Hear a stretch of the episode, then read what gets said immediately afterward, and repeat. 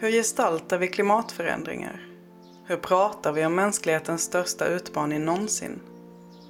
Vad innebär det att ställa om? Hur vill vi leva när klimatkrisen är över? Vilka är berättelserna och vad gör de med oss? Välkommen till Omställningsberättelser. Här utforskar vi kulturens roll i övergången till en fossilfri värld.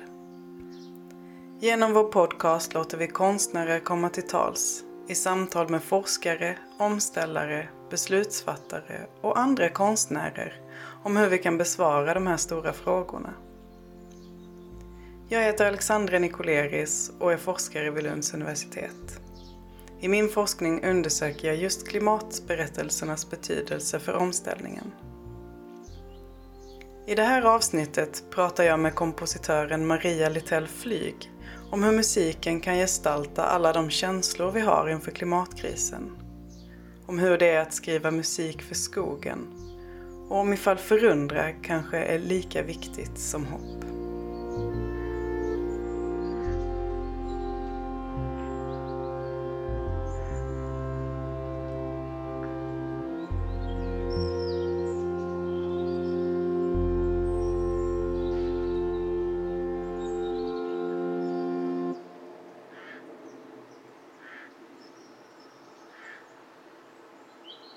Jag vistas ju mycket ute i naturen och naturen liksom betyder mycket för mig att få vara där för att få ett lugn men också för att få inspiration. Och jag började helt enkelt märka själv att jag tyckte att vädret förändrades. Jag tyckte det började blåsa så mycket jämt. Det var nog mm. det första jag tänkte på sådär.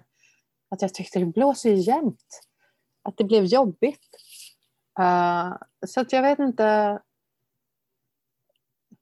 Det var väl i samband med att de började prata om klimatförändringar mer sådär kanske. Eller till och med kanske innan det började skrivas och pratas om det i media. Vilken roll tror du då att musik kan ha i, i en omställning till ett samhälle där, där vi har liksom tagit oss förbi de här kriserna eller där vi kanske hanterar dem på ett bättre sätt? Alltså jag tänker flera saker. Jag tänker till exempel att eh, till att börja med måste vi bry oss om en sak om vi ska vilja förändra en sak. Så dels handlar det väl om ja, att jag tänker på vissa barn så där, som bara bor i staden och kollar sina iPhones. Och har, varför ska de vara intresserade av vad som händer i naturen om de inte har koll på hur beroende vi människor är av naturen? Mm. Så, så dels någon sorts eh, informationsaspekt men också tror jag jag har en önskan om att väcka förundran inför naturen och just det här hur allting hänger ihop och hur snillrikt allting är uttänkt. Och, ja, allt hänger ju verkligen ihop. Det är ju det man märker. Så fort en liten, liten länk rubbas någonstans så, så kan ett helt ekosystem falla ihop. Um,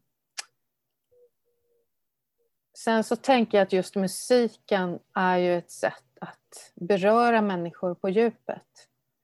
Om man tänker, sig, om man tänker på Greta till exempel. Hon, hon pratar ju så mycket om fakta hela tiden och det är ju jätteviktigt, forskning och så.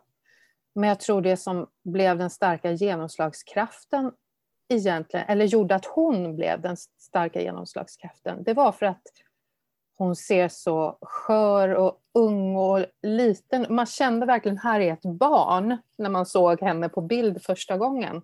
Och det liksom fick oss att känna på ett annat sätt. Mm. För alla de här siffrorna som hon hela tiden hänvisar till, de kan ju bli väldigt abstrakta. Sen tror jag i och för sig hennes metodik att vara väldigt konsekvent och hela tiden upprepa samma saker och sådär är också jätteviktigt för att nå ut.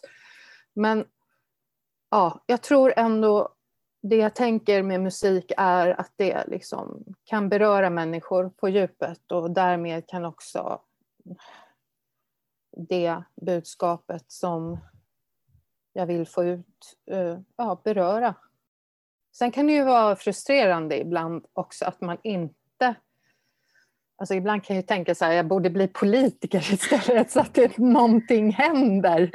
Men man, man vill vara väldigt tydlig ibland, eller man vill just att saker ska hända fortare, man blir frustrerad och otålig och sådär. Men sen tänker jag, försöker jag tänka att det här är ju det jag är bra på, det här är mitt sätt att kommunicera. Så att, uh, får jag hålla mig till det och förvalta det och, och förfina det istället. Just det. Mm. Precis. Mm.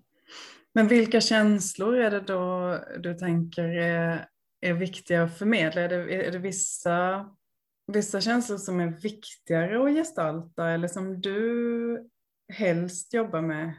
Um, och på vilket sätt i så fall tänker du att behöver vi vissa känslor mer än andra för att ta klimatkrisen på allvar eller behöver vi hopp? Har du några sådana funderingar? Alltså jag tror att det, det kan vara en massa olika känslor och också att alla, dels som ett samhälle som helhet men också och alla individer i samhället går ju igenom olika faser och olika steg i det här. Eh, så att eh, jag kan ju själv se hur, ja, hur jag hittar nya ingångar till de här frågorna och också hur samhället runt omkring mig förändras i de här frågorna. Som till exempel den, den första kammaroperan jag skrev, eh, den om Cassandra och högmod. Det, då var det ju väldigt mycket förnekelse just och man pratade om klimatförnekelse förnekelse och klimatförnekare. Och, och um, det är ju också Psykologer pratar ju om fem steg i, i sorgarbete och det är ju det första steget, det är ju förnekelse. Sen är det ilska, tror jag. Och sen är det eh, förhandling, tror jag är nästa steg. Det, det känns väl som vi kanske som samhälle som helhet just nu befinner oss lite i det här förhandlingsläget, skulle jag vilja säga. Mm. För nu håller man på att diskutera ja, olika utsläppsmål och hur tekniken ska rädda oss och så vidare.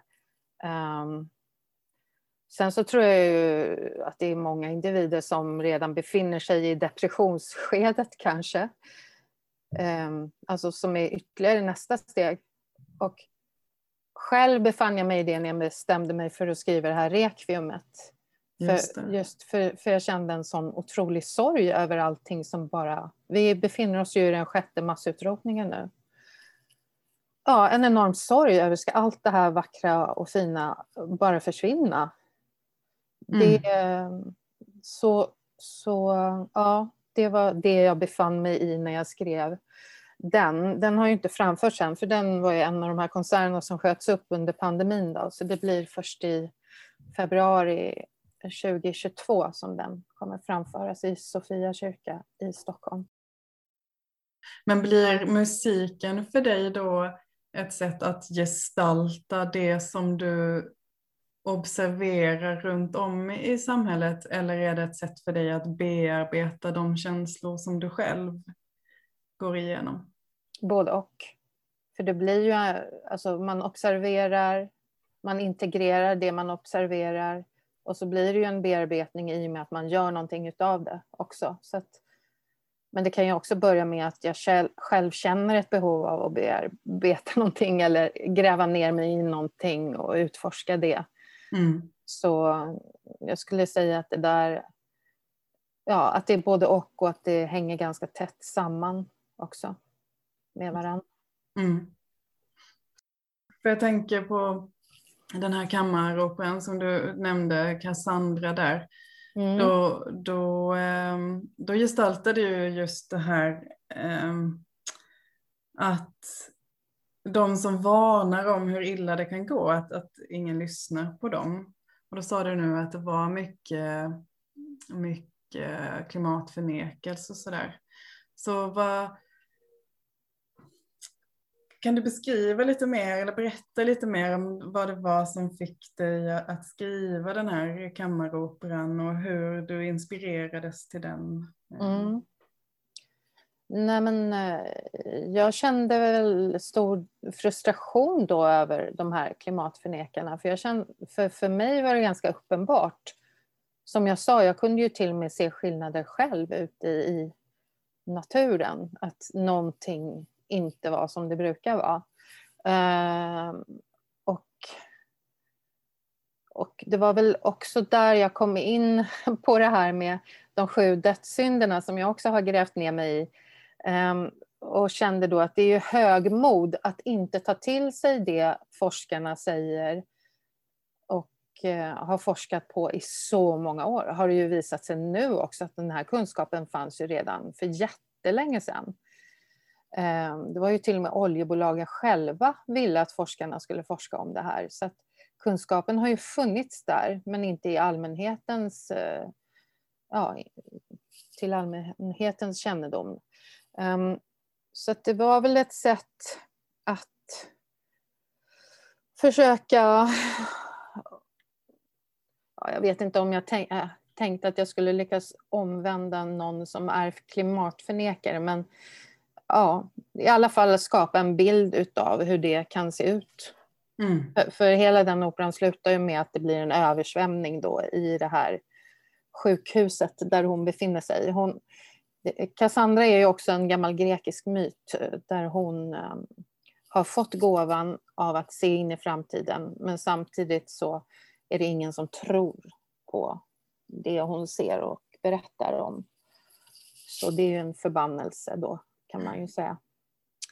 Ehm, så hon förutspår att det ska ske, bli en katastrof med en översvämning men hon blir, hamnar på eh, sinnessjukhus och blir ja, får här tunga lugnande mediciner och sådär. Så, um, sen så är det ett moraliskt dilemma då mellan skötaren.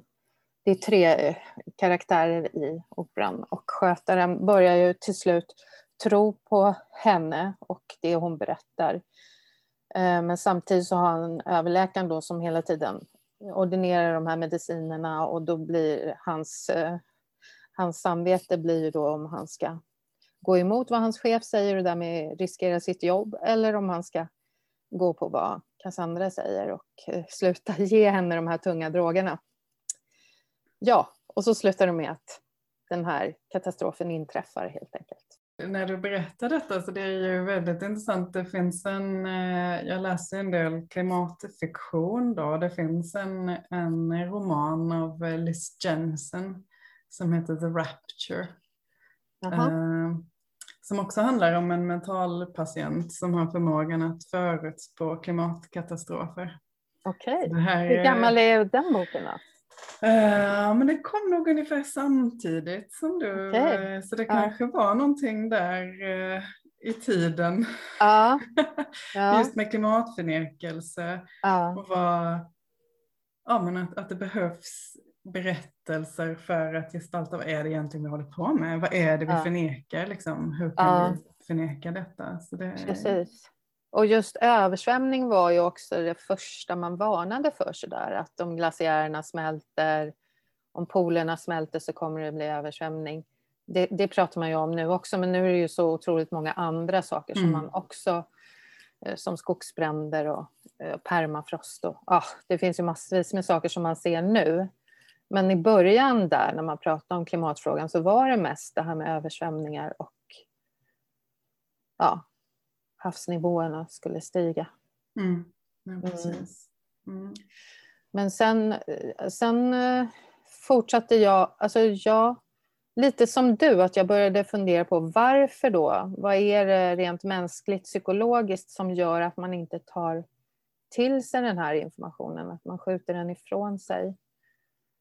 Um, och då började jag också fundera på vad är det i vårt samhälle som gör att det blir så svårt att, att ta steget mot en omställning.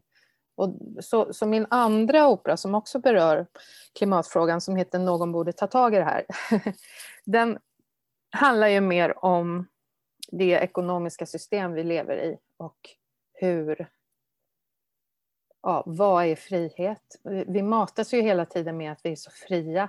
Vi är fria att välja vilket dagis våra barn ska gå på, vilken pensionssparform vi ska ha, eh, vilket schampo vi ska köpa.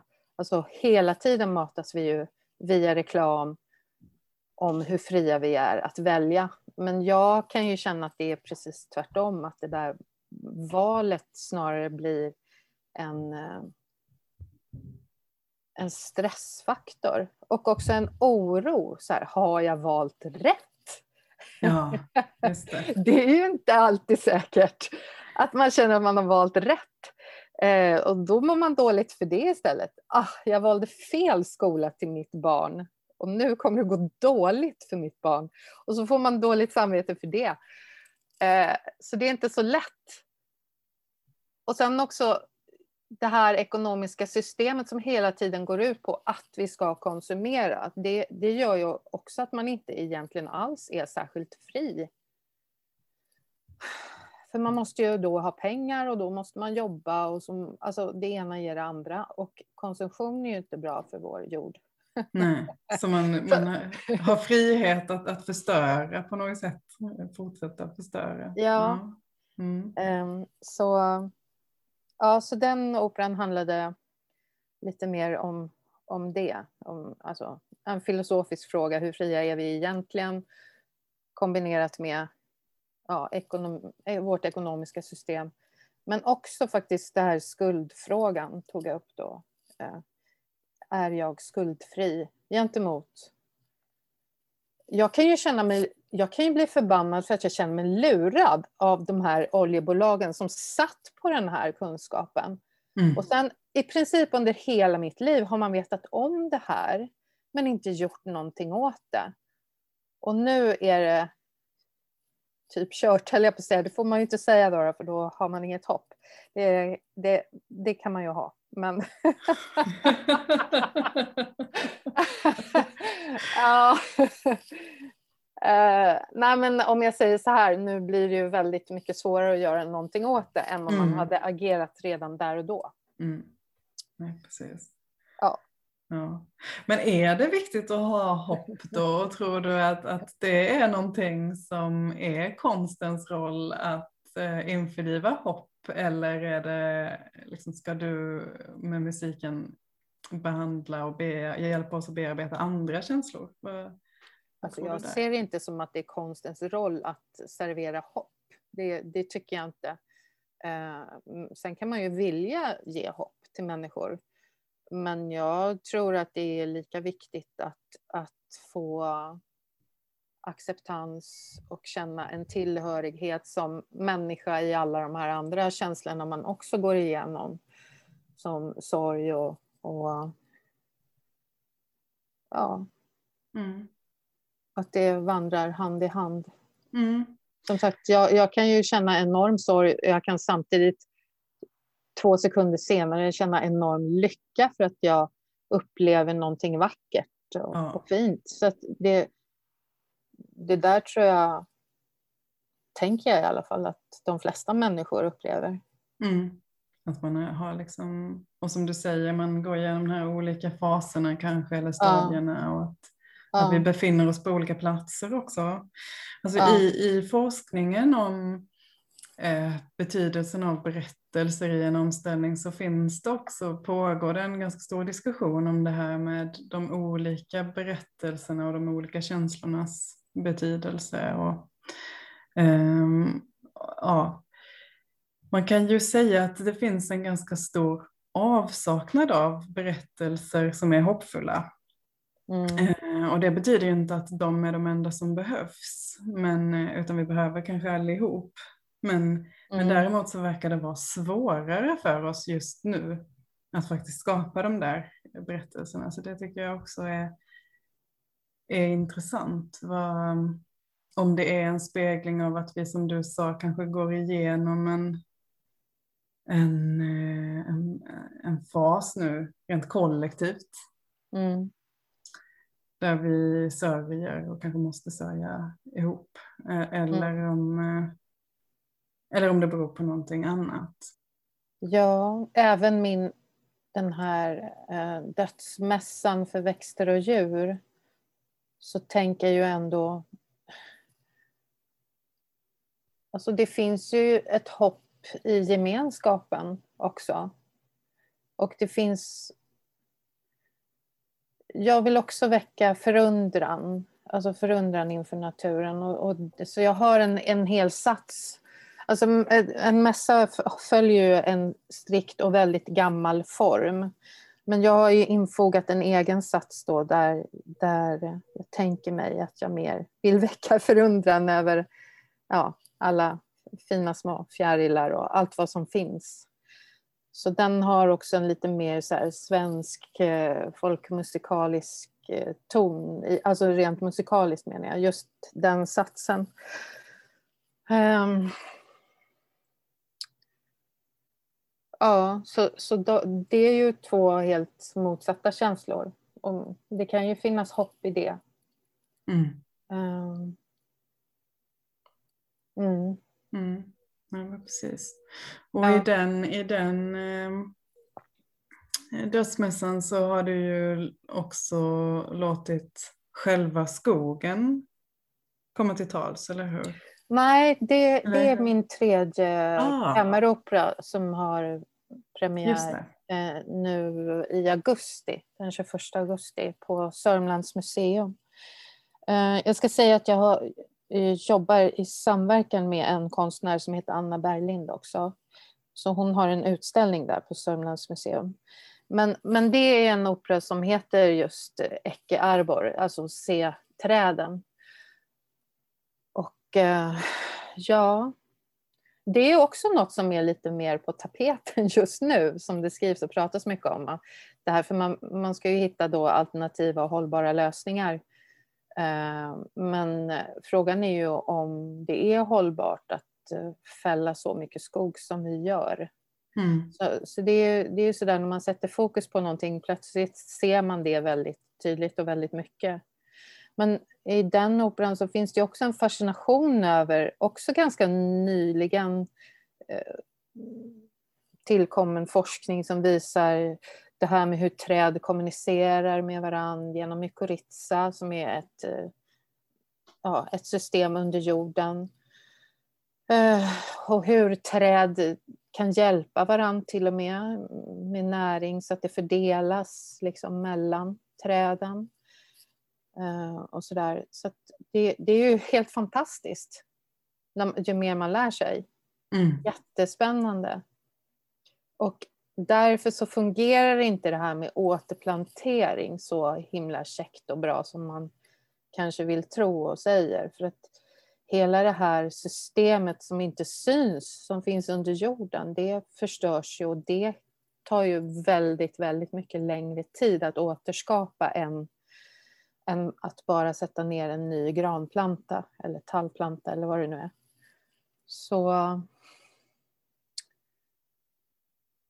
Ja, man lär sig, man forskar ju lite själv kan man ju säga när man gör sitt researcharbete inför eh, mm. att man skriver ett sånt här verk. Men eh, hon som sjunger där och hon för skogens talan kan man säga. Mm. Mm. Vad ty tycker du, um, vad gör det tycker du med musiken eller hela verket egentligen att, att försöka gestalta något ur ett icke-mänskligt perspektiv? Var det svårt? Gav det dig några extra utmaningar så att säga? Eller hur tänkte du kring det? Mm. Jag vet inte om jag tänkte så. Eh, jo, vi tänkte så med, med texten, när vi jobbade med texten att man kanske inte säger ett jag eller ett eh, du, utan det, alltså det personliga pronomen, pronominat kanske inte finns. Så det var en sak. Ehm, eh, men uh, ja, jag vet inte om det har påverkat musiken så direkt.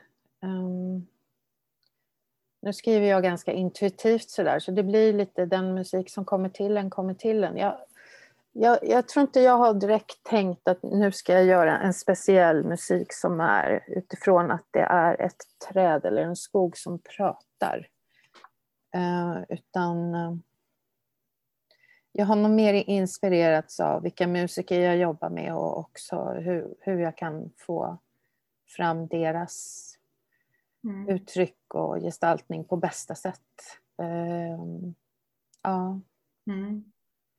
ja för, för du jobbar ju både med musik och text. I, jag menar, du, du skriver ett, ett, jo, det, jo, det gör jag. Det är sant. Ja. Men just den här operan har inte jag skrivit texten. Nej, nej, utan hon heter Greta Sundberg som har gjort det. Mm. Hon är dramatiker. Men det stämmer att jag skriver texter också. Men inte just till den här. Nej, precis. Mm. Nej, men jag tänkte om du tycker att det är någon skillnad i att gestalta någonting eh, genom bara musik eh, eller musik och text. Om det har en, en speciell berättelse du vill få fram. Mm. Mm.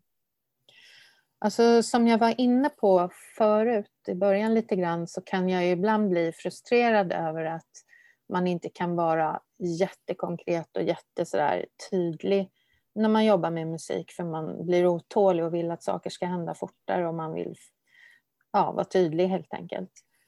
Um, på så vis kan det ju vara lättare då att jobba med text. Mm. Men jag tror det hänger ihop med att jag började min musikaliska bana som sångerska så att rösten har varit mitt instrument innan jag utbildade mig till tonsättare.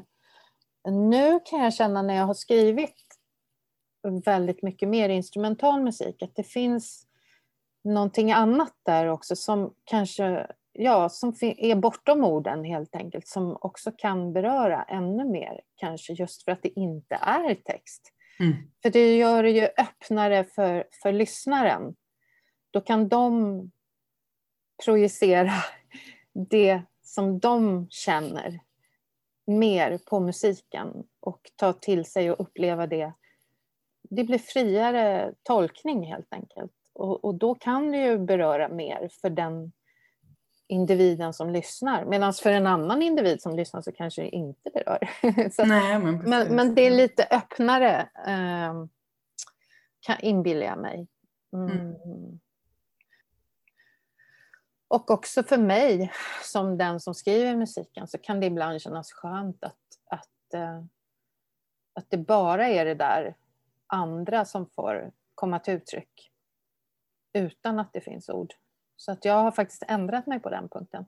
Ja. Men det handlade, det, det handlade väl om att jag inte hade den erfarenheten när jag började jobba som tonsättare. Då hade jag mest jobbat med text helt enkelt. Jag tänker också i relation till det här att, att gestalta det icke-mänskliga ja. eh, och, och hur det kanske också blir annorlunda när man inte använder sig av eh, av text just för precis. att språket är så mänskligt på något vis. Ja, precis. Så, det blev ju ganska komplicerat att undvika personliga pronomen till exempel. Märkte, mm. märkte jag och Greta då när vi satt och filade på texten. För att vi är så vana vid att göra det. Om du skulle med, med din erfarenhet av att gestalta egentligen då klimatkris och biodiversitetskris på väldigt olika sätt. Va? Om, om du skulle få, om jag sa till dig nu, nu får du uppdrag här att, att göra något verk om omställning så att, att vi faktiskt gör något åt det här. Mm. Hur, hur skulle du vilja gestalta det i så fall? Hade någon några funderingar åt det? Ja, Alltså jag tror, jag tror att, eh, att jag skulle utforska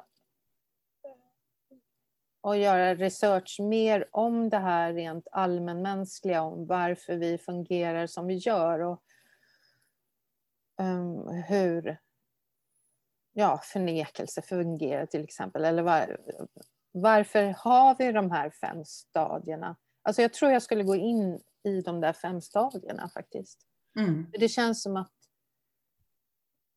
man halkar tillbaka till det när man försöker tänka på hur, hur vi bearbetar den här krisen. Eh, hittills i alla fall så upplever jag att det har varit förnekelse, ilska och som jag sa, nu är vi i den här förhandlingsfasen där alla försöker hitta på eh, lösningar. Eh, ja, Just det. Ja, jag tror det. Att jag Mm. skulle gå in för det här allmänmänskliga. Och kanske i och för sig också försöka göra något som är lite så utanför boxen. Så att, för eftersom det handlar om att vi måste tänk, börja tänka på ett sätt som vi inte tänker på. Att man ska göra något som är lite så här oväntat och alltså hur får man folk att kliva ur sin box och kliva ur sitt tankesystem? Vi har ju bara pratat väldigt kort om att du har jobbat en del med de sju dödssynderna. Jag tänkte vi kan komma tillbaka till det. Var, Ja. Varför har du tyckt att det är ju också en berättelse på något sätt? Ja. Berättelsen om dem. Varför har du tyckt att den var viktig att, att jobba med? Nej, men det började ju med att jag skrev den där första kammaroperan då, Cassandra, som jag också kallade Högmod. Ehm, och då när jag tänkte, det är ju den största synden, eller ansågs vara i alla fall, en kardinalssynd som det heter.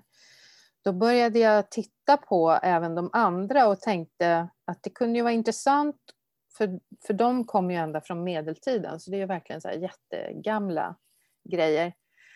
Det kunde vara intressant att se hur de här gamla dödssynderna tar sig uttryck idag.